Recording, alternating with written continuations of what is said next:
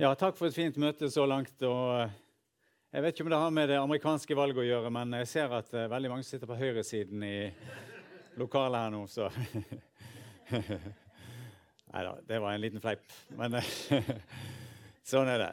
Skal vi be fortsatt? Kjære Jesus, vi ber om at du åpner hjerte og ører, sånn som Rune ba også. At uh, vi kan få ta imot det du ønsker å gi til oss i dag, Herre. og Tal inn i våre liv, Jesus, og gi oss friske øyne, så vi kan se ting sånn som du ønsker at vi skal se det. I Jesu navn. Amen. I Tent så underviser vi mye om eh, kultur eh, og kulturforståelse. og Der er det eh, liksom tre sånne hovedlag av en kultur. Det ene, går på handlinger. Sant? Det vi ser at folk gjør. Og handlingene våre de er som oftest bygd på verdiene våre, som ligger i nivået under. Sant? Så det former eh, hvordan vi handler. Og så innerst inne så ligger det som vi kaller verdensbildet. Der vi eh, liksom Hvordan alle ting henger sammen. Altså Hvordan vi forstår at ting henger sammen. Og hvis en har Gud i det verdensbildet, sånn, så skjønner vi at det, hvis Gud er der som en del av det, så vil eh, handlingene eller verdiene våre bli annerledes, og handlingene våre bli annerledes. Og hvis vi tar bort Gud derfra, så blir også verdiene annerledes og handlingene annerledes. I dag så er temaet at det umulige er mulig, da, med lang U. sant?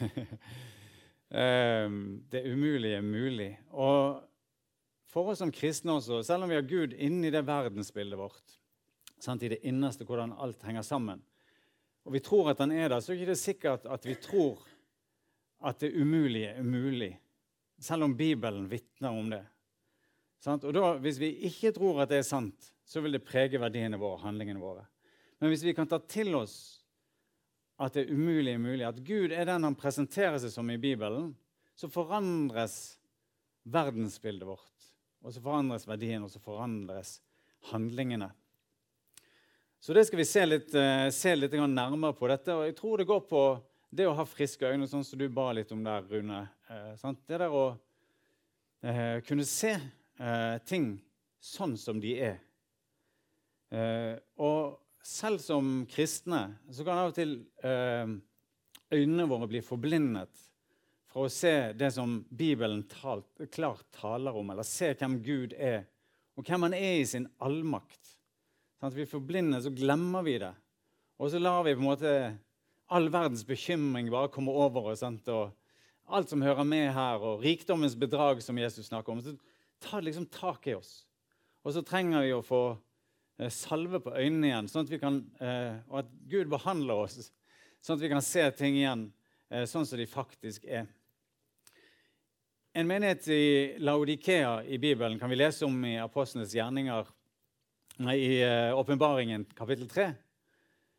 Og Der står det at den var blitt lunken i troen, i etterfølgelsen av Jesus. Så var den blitt lunken. Og da sier Gud, og Den hellige ånd sier til den menigheten at du sier, og dette er sånn som menigheten taler om seg selv Du sier, 'Jeg er rik, jeg har overflod og mangler ingenting'.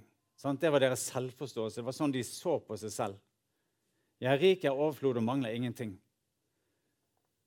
Og så fortsetter teksten og sier, 'Men du vet ikke at nettopp du er elendig og ynkelig, fattig, blind og naken'. Sånn, det er Guds beskrivelse av den samme menigheten. Og så sier Den hellige ånd, 'Dere må få salve på øynene' sånn at jeg kan se hvordan ting virkelig er. Og En dame som hadde fått en sånn salve på øynene eh, var, Jeg tror hun het Anna. Jeg husker ikke helt, jeg fikk gjenfortalt historien. Hun eh, drev Kvamseter på Kvamskogen i mange mange år. Eh, det var veldig veldig vanskelige kår. Hun var, Kanskje noen av dere kjenner den som denne damen. Vanskelige kår, mye fattigdom, vanskelig å få egentlig endene til å møtes. vanskelig egentlig å ha nok mat. Sant? Og et hardt liv, eh, et, et, tungt liv på mange måter. Så fikk jeg gjenfortalt denne historien, og det var akkurat i en tid der jeg følte at vi også sant, i arbeid i tent og sant, Du lever av at andre gir, eh, gir til deg. og kunne av og til føle at det var litt lite. da, sant, Og skulle ønske at eh, Gud hadde sørget for at det kom mer. Eh, så kom jeg der på Kvamseter og får gjenfortalt historien om denne damen som har drevet Kvamseter, og hadde det mye mye vanskeligere enn meg. Så sier han eh, som drev det på den tiden, så sier han hun ligger forresten gravlagt nede i Tysse. Og på gravsteinen så står det et pipevers. Og der står det 'Herren er min hyrde, jeg mangler ingenting'. Herren er min hyrde, jeg mangler ingenting. Så kjente jeg bare det talte inn i mitt liv der og da. Sant? Der kom jeg egentlig med en sånn følelse at vi mangler ting. Vi følger Gud, men vi mangler ting. Og så fikk vi høre livshistorien til denne damen, som hadde friske øyne, og som sier, 'Herren er min hyrde, jeg mangler ingenting'. Så kan det stå i motsetning til menigheten i Laudikea, som sa, 'Jeg er rik, jeg er overflod og mangler ingenting'. De så på sin egen rikdom. Mens denne damen hun så på Gud, så sa hun, 'Herren er min hyrde, jeg mangler ingenting'. I dag så tenkte vi skulle både lese og høre litt om folk som har fått sånn salve på øynene og, og fått se eh, Gud sånn som han er, og har tatt det inn i sitt verdensbilde og tror eh, på det som Bibelen sier. Og så lar de det forme verdiene og handlingene. Og Vi skal begynne med en veldig flott tekst eh, som jeg synes denne teksten går tilbake, igjen, igjen, tilbake til igjen og igjen. Eh, og ikke minst når eh, vår kristne tro blir angrepet utenfra og fra en sånn intellektuell eh, plattform, så syns jeg det er godt å gå inn i denne teksten, som står i 1. Korinterbrev 1, fra vers 25 til 31. Og Hvis dere vil slå opp, så kan dere gjøre det nå. 1. Korinterbrev kapittel 1, vers 25 til 31. Og Der står det For Guds dårskap er visere enn menneskene, og Guds svakhet er sterkere enn menneskene. Se på dere selv, søsken, dere som ble kalt. Ikke mange vise etter menneskelige mål, og ikke, ma ikke mange med makt eller av fornem slekt. Men det som i verdens øyne er dårskap, det utvalgte Gud for å gjøre de vise til skamme. Og det som i verdens øyne er svakt, det utvalgte Gud for å gjøre det sterke til skamme. Ja, det som i verdens øyne står lavt, det som blir foraktet, det som ikke er noe, det utvalgte Gud for å gjøre til intet det som er noe, for at ingen mennesker, ingen mennesker skal ha noe å være stolt av overfor Gud.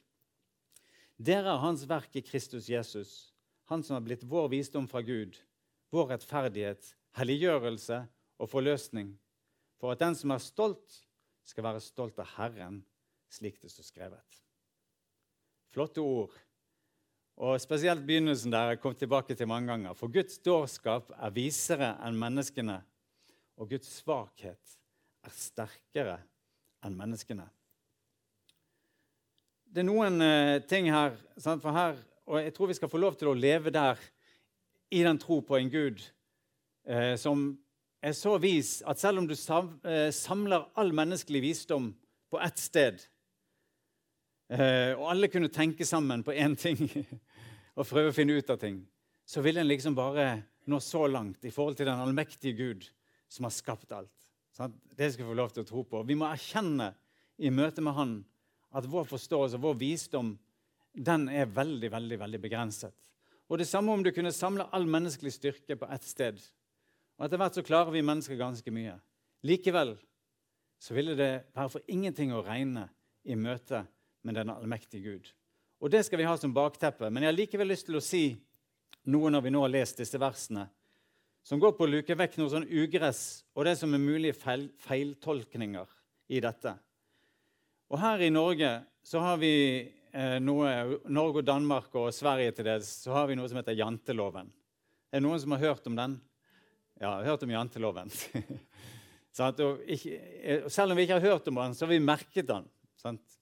Og den sier i bunn og grunn du skal ikke tro at du er noe.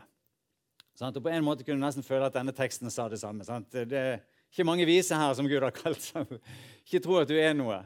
Vet du at Det er ikke en, uh, står heldigvis ikke i Bibelen, den janteloven.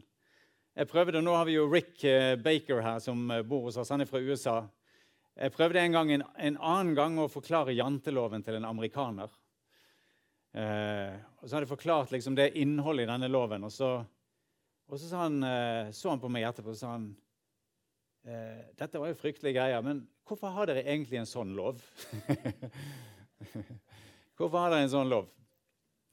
Eh, og sa, det er ikke det at vi har den, den er bare en beskrivelse av hvordan vi opplever ting. Sånn, Og Denne teksten den kan kanskje bekrefte det, men det er ikke tanken.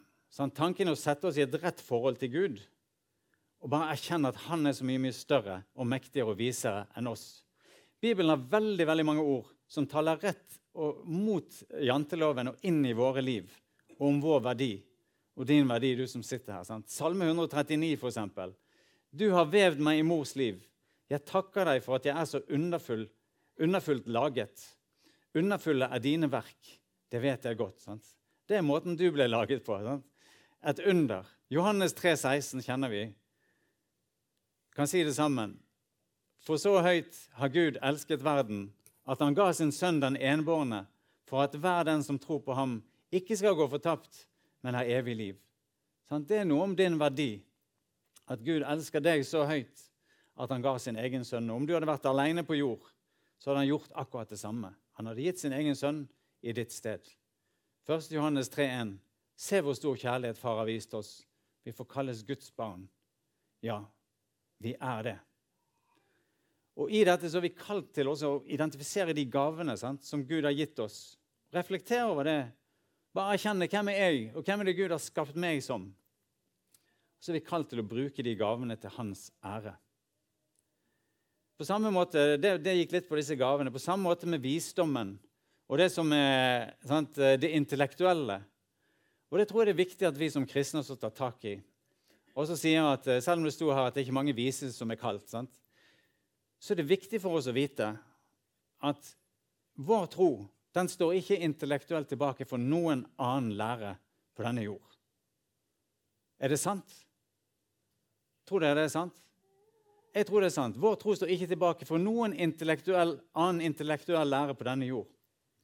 Hvis vi leser 1. Johannes, nei, Johannes 1 sant? og prologen der, så tar Johannes rett og slett og går rett i strupen på egentlig grekerne sant? og sier at uh, i begynnelsen var ordet, står det i vår bibel. Sant? Men det er logos. I begynnelsen var visdommen. på en måte.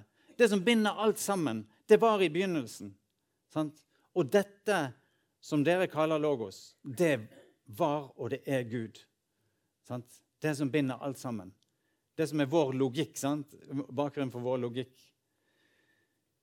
Alt er logisk i vår tro hvis vi bare tar utgangspunkt i vårt verdensbilde, i at Gud finnes. Så alt faller på plass. Også logisk og intellektuelt så faller det på plass. Og Jeg tror det er viktig for oss å løfte fram det perspektivet også. Og la de som er her, som ønsker å jobbe intellektuelt med denne troen, få utvikle det. Og bli gode trosforsvarere som kan si at vet du, det fins store tenkere i verden sant? Som, har, eh, som har valgt å være kristne. Fordi at dette står ikke tilbake for noe annet. Og de som ikke tror, og har, del, har, Gud som en del av sitt verdensbilde, de må som regel komme opp med andre løsninger om hvordan alt er blitt til. Og det kan være veldig veldig fantasifulle løsninger fra tid til annen. Som ikke virker eh, så intellektuelt høyverdige. Vær forsiktig med hva jeg sier. Men, eh, men vi, det vi trenger å vite, det er at eh, vår tro står ikke tilbake. Så går vi inn igjen tilbake til teksten. Og det den sier, er at vår styrke den kan også fort bli vår svakhet. Fordi at i det at vi erkjenner at vi har fått noen gaver, eller i det at vi har fått noen midler å bruke, at Gud har velsignet oss, så kan det fort bli sånn at dette som vi har fått, det begynner å reise seg mot Gud. Og så sier vi ah, Leser Bibelen, sant? Eh, tror vel egentlig kanskje at jeg har forstått en del ting her bedre enn den som står bak dette. Sant? Jeg med mitt intellekt er det ikke sånn at jeg egentlig forstår dette bedre enn selve skaperen. Og da begynner vi å komme på avveie.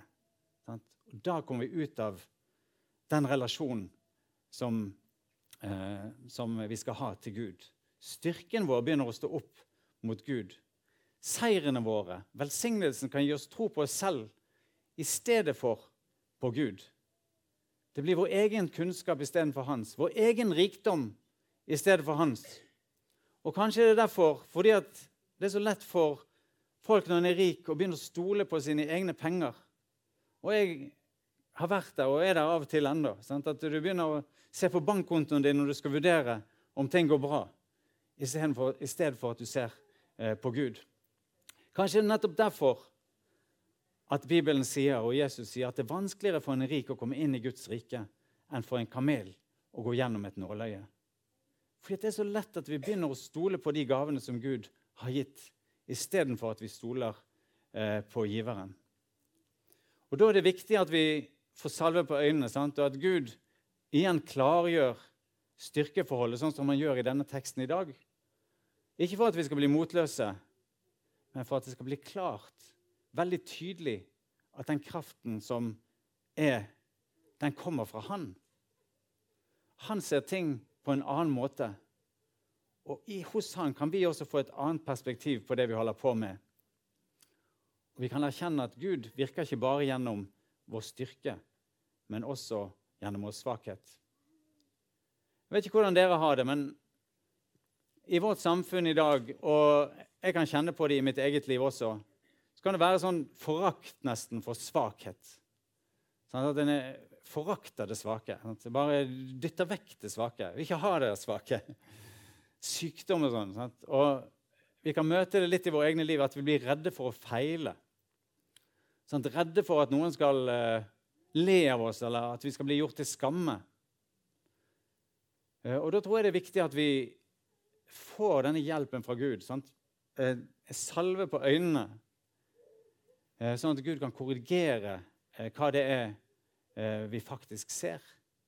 Og at vår tillit til Han kan bli gjenopprettet.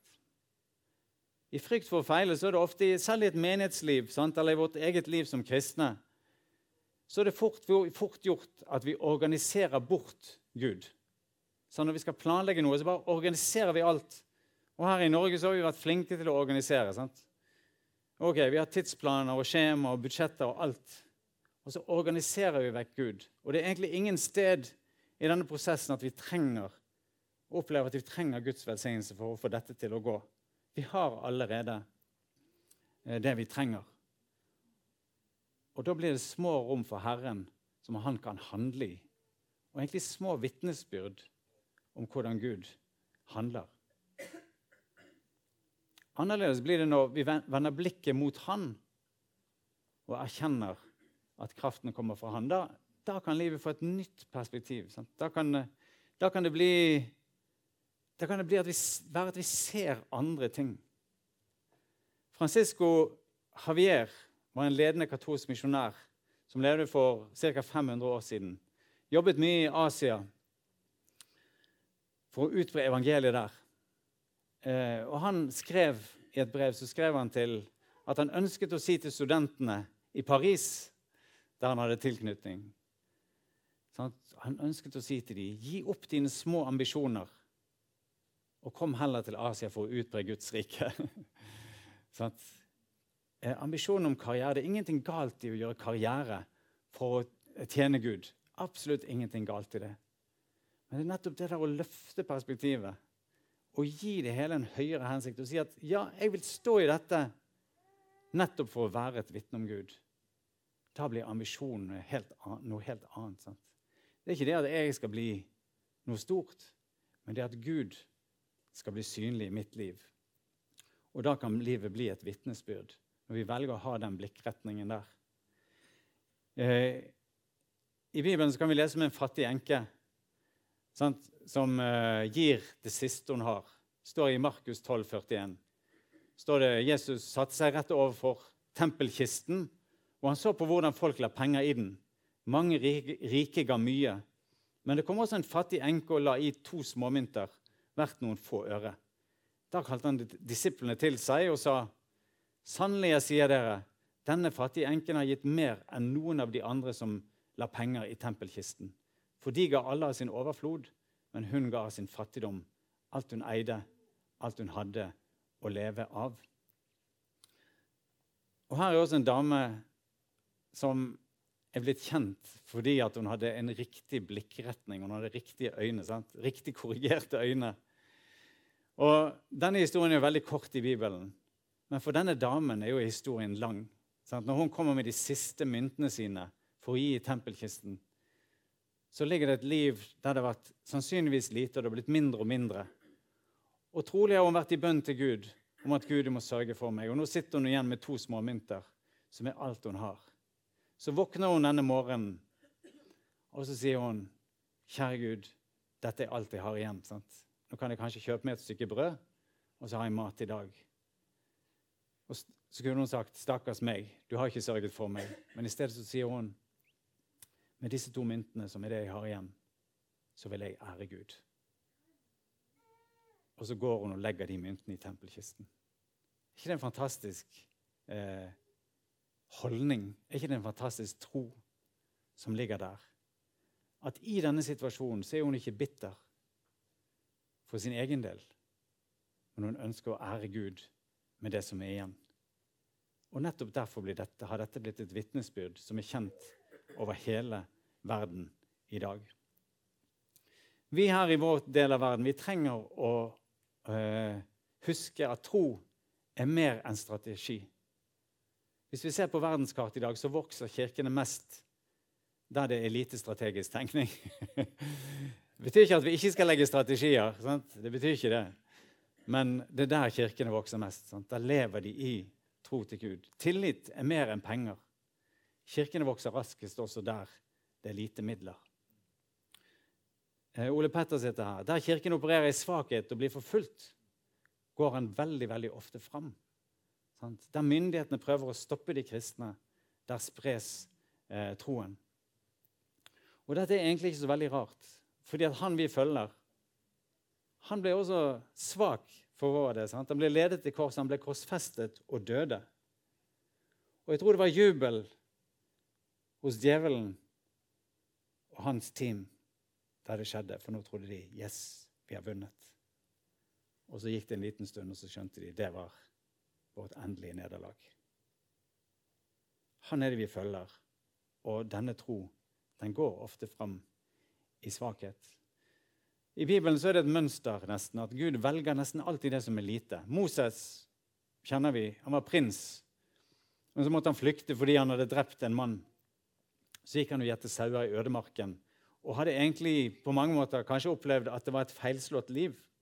Så ble han plukket ut. Saul, som var den første kongen i Israel, var fra Benjamins stamme. Det var den minste stammen av alle i Israel. Han kom fra Gibea, som var et skjellsord i Israel på den tiden. David var den minste sant, i familien. Og En vakker historie om hvordan han ble kalt. Maria, som skulle få føde Jesus, kom fra en fattig familie fordi vi vet det fordi de kunne bare bære fram to duer sånn, som offer etter at Jesus var født. Som var liksom offeret for eh, de fattige. Disiplene. Sant? Helt vanlige folk. Fiskere, en toller. Jesus gikk ofte til de som var utenfor de svake. Paulus, som var en stor taler og egentlig kom først i styrke sant, og skulle kaste de kristne i fengsel, han kommer med vitnesbyrd om at 'min nåde er nok for deg, for min kraft fullendes i svakhet'. Derfor vil jeg helst rose meg av min skrøpelighet, for at Kristi kraft kan bo i meg. For når jeg er svak, da er jeg sterk. Sånn, så går vi til nyere tid. En mann som reiste til Kina med evangeliet, Hudson Taylor, eh, drev barnehjem. Sant? Ofte hadde de veldig lite, ofte var det ingenting. Så hadde han dette slagordet at når nøden er størst, er Guds hjelp nærmest. Det lærte han. Sant? Når nøden er størst, er Guds hjelp nærmest. Eller Marie Monsen, som kom fra vår egen by, forteller i bøkene sine om eh, alle disse utfordringene som de sto overfor. Sant? Ofte var det umulig. Det var ingen mulig løsning. Men så sier Marie Monsen, hun hadde bare det, dette uttrykket Men Gud. Sant? Men Gud. I Gud er alt mulig. Sant? Men Gud. Og så griper Gud inn. Her ligger det mye viktig lærdom for oss.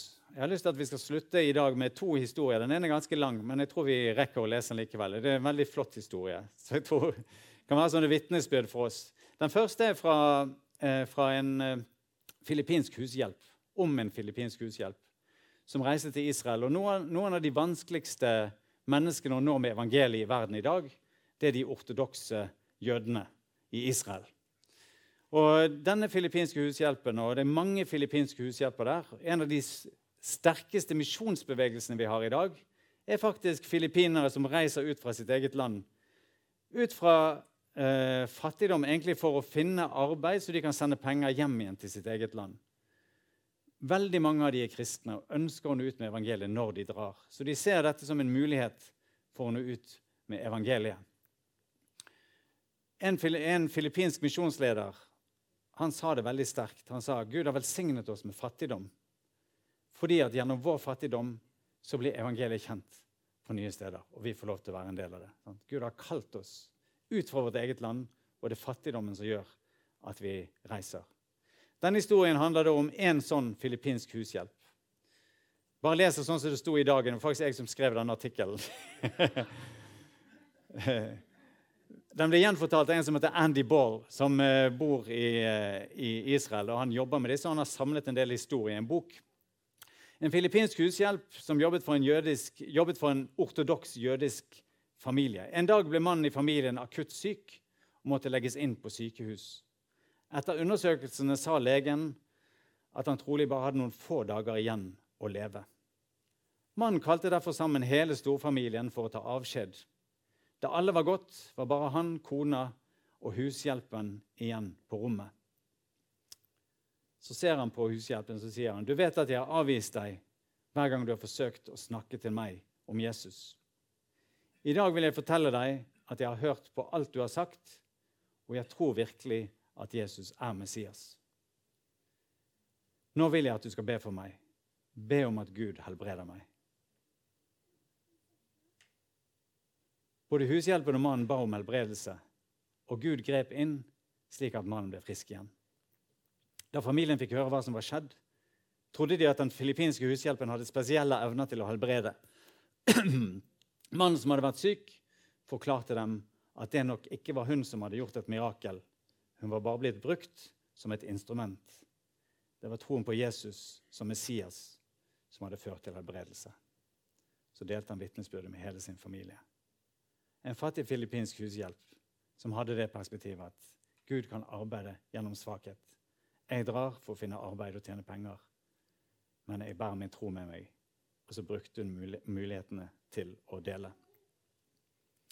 En annen familie som hadde også øynene på rett sted og blikket i riktig retning, var en familie Denne historien er helt tilbake fra 1946. Eh, det er skrevet av en som heter Eddie Eh, det er faktisk en dame. Eh, og hun fikk en veldig rik tjeneste etter hvert, men på denne tiden var hun en liten jente. Så skriver hun jeg kommer aldri til å glemme påsken 1946. Jeg var 14, lillesøsteren min var 12, og storesøster var 16. Vi bodde sammen med moren vår, og alle fire visste vi hva det eh, ville si å måtte klare seg med lite. Faren vår hadde dødd fem år tidligere. Han etterlot mor uten penger, men med ansvar for sju skolebarn. I 1946 hadde imidlertid to av søstrene mine giftet seg, og de to brødrene mine hadde flyttet hjemmefra. En måned før påske fortalte pastoren i kirken vår at vi dette året skulle ta opp et offer for å hjelpe en fattig familie. Han ba alle om å legge av penger og gi rikelig. Da vi kom hjem, snakket vi sammen om hva vi kunne gjøre. Vi bestemte oss for å kjøpe en 50 kilo sekk med poteter. Dette ville være nok mat i én måned. Dersom vi levde bare av poteter, kunne vi spare 20 pund til offeret. Vi bestemte oss også for å holde alle lys avskrudd så mye som mulig. Dessuten ville vi la være å høre på radio. Dette ville redusere strømregningene våre. Darlene, som var ene storesøsteren, tok på seg så mange oppdrag hun bare kunne med husvask og hagearbeid. Og både Darlene og jeg satt barnevakt så ofte som mulig. For 15 cent kunne vi kjøpe nok bomull til å lage tre grytekluter som vi kunne, selge for én dollar. Bare dette ga oss inntekter på 20 dollar. Denne måneden ble den beste i livene våre. Hver dag telte vi penger for å se hvor mye vi hadde spart. Om kveldene satt vi i mørket og snakket om hvordan den fattige familien ville glede seg over alle pengene menigheten ville gi.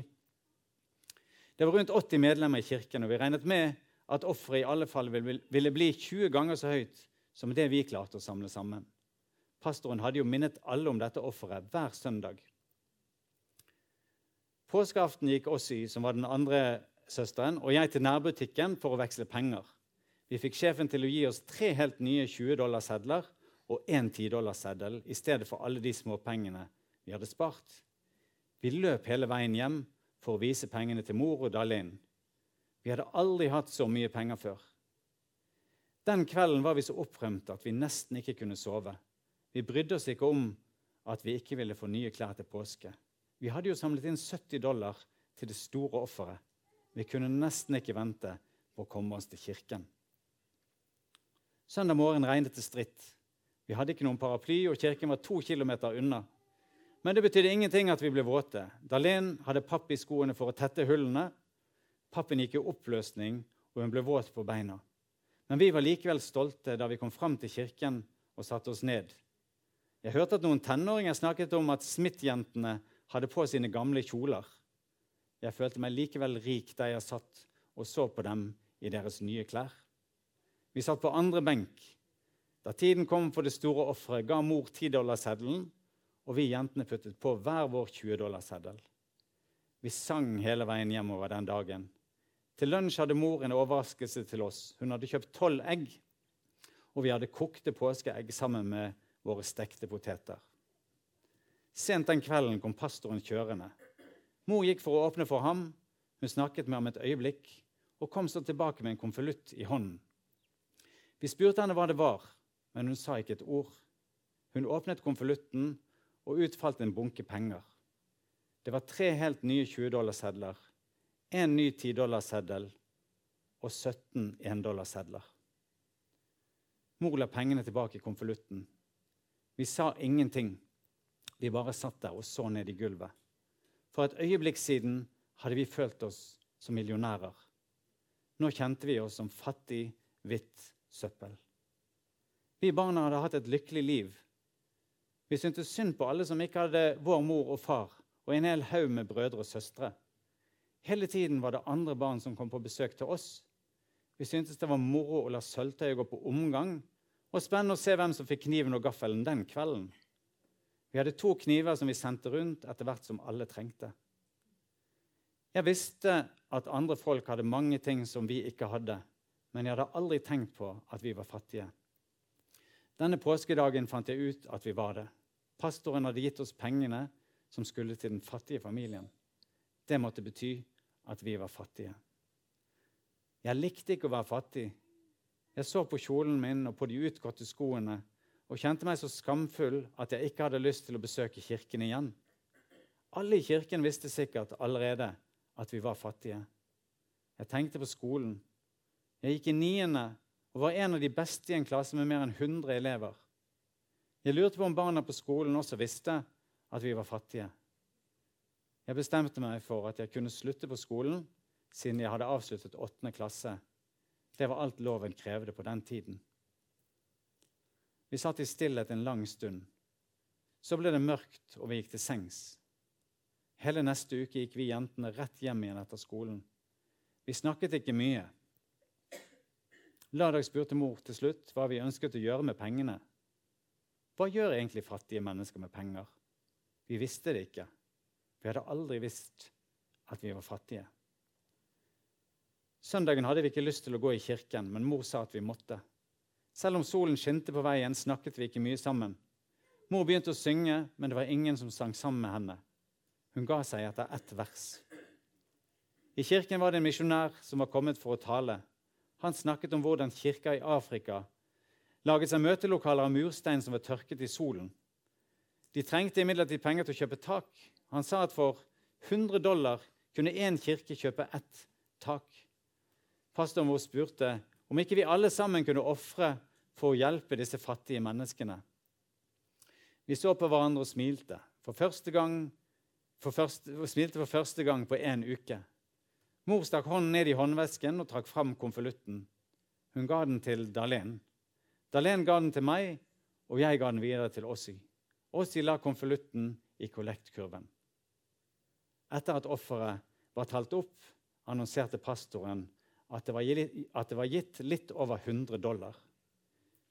Misjonæren var opprømt. Han hadde ikke ventet et så stort offer fra en så liten kirke. Han sa det må være noen rike mennesker i denne kirken. Da slo det oss helt plutselig. Vi hadde gitt 87 av de litt over 100 dollarene. Vi var den rike familien i kirken. Var det ikke det misjonæren hadde sagt? Og Der slutter egentlig den historien fra påsken. Men denne damen som heter Eddie, hun gifte seg noe seinere. Jeg vet ikke om hun lever i dag, men hun levde for uh, syv år siden. Og Da var det intervju med henne. Uh, hun hadde en favorittsang da hun var liten, og det var denne her uh, Rød og gul og hvit og svart er det samme, har han sagt. og så sa hun til moren sin at hun skulle få mange barn. Eh, og at de kom til å være av alle fa ulike farger. Så sa at I oppveksten så hadde moren fortalt til henne at eh, du, du, kommer til å få deg en eh, amerikansk mann, og kom, alle barna kommer til å være hvite. Det er sånn, det er sånn eh, livet er. Eh, men så ble det til at sammen med mannen fikk hun bare ett barn, men de adopterte tolv barn. Av disse tolv barna så var det, var det seks koreanere Tre fra urbefolkningen i Amerika og tre fra Kaukasus. Så når hun satt og så utover bordet, så så hun veldig, veldig mange ulike farger rundt bordet. Og moren også fikk oppleve det og måtte erkjenne at du hadde noe rett. det ble barn av mange forskjellige farger. Da dette intervjuet ble laget for syv år siden, så var mannen hennes og Eddie de drev og vasket toaletter og kunne se ut som de var fremdeles veldig veldig fattige. Nå er de pensjonister, men Grunnen til at de tok denne ekstrajobben, var at de ville eh, skape noe ekstra for en god del fosterbarn som de hadde boende hjemme hos seg. Og I det intervjuet som da ble laget for syv år siden, så sier hun at i løpet av livet så har de hatt, i tillegg til disse tolv barna som de har adoptert, så har de hatt, eh, vært fosterhjem for 77 andre barn. Så et liv vendt mot Gud, et liv i tro til Han, eh, da kan det skje store ting. Da blir det umulige mulig. Skal vi be? Kjære Jesus, vi takker deg for eh, ditt ord til oss i dag. og Takk for vitnesbyrdene, Herre, både fra Bibelen og fra disse menneskene som har gått foran oss, Herre, og har levd med friske øyne og sett på deg, Herre, og, og levd i tillit til at uh, når vi ser til deg og, og kommer til deg i, i tillit og tro, uh, så blir det umulig mulig. Og vi ber, Herre, uh, om at ja, du skaper den samme tro, at du arbeider med oss, Herre, at vi kan få ha del av den samme tro. At du kan gi oss visjoner som vi våger å gå på Jesus, uavhengig om vi tror at vi kan klare det eller ikke. Eh, fordi at vi vet at eh, når vi går i din kraft, eh, så blir det umulig mulig. Hjelp oss, Herre, til å ta sånne skritt i tro. Tal til oss. Gi visjoner, gi drømmer fra deg. Og la oss handle på det, Herre, både som enkeltpersoner og familier og som menighet. Jeg ber Jesus om at vi skal få være et fellesskap av troende der det som en del av vårt verdensbilde, å Herre eh, Og som en del av vårt verdensbilde så er det det at eh, i deg så er ingenting umulig, fordi alt er mulig for Gud. Det ber vi om i Jesu navn. Amen.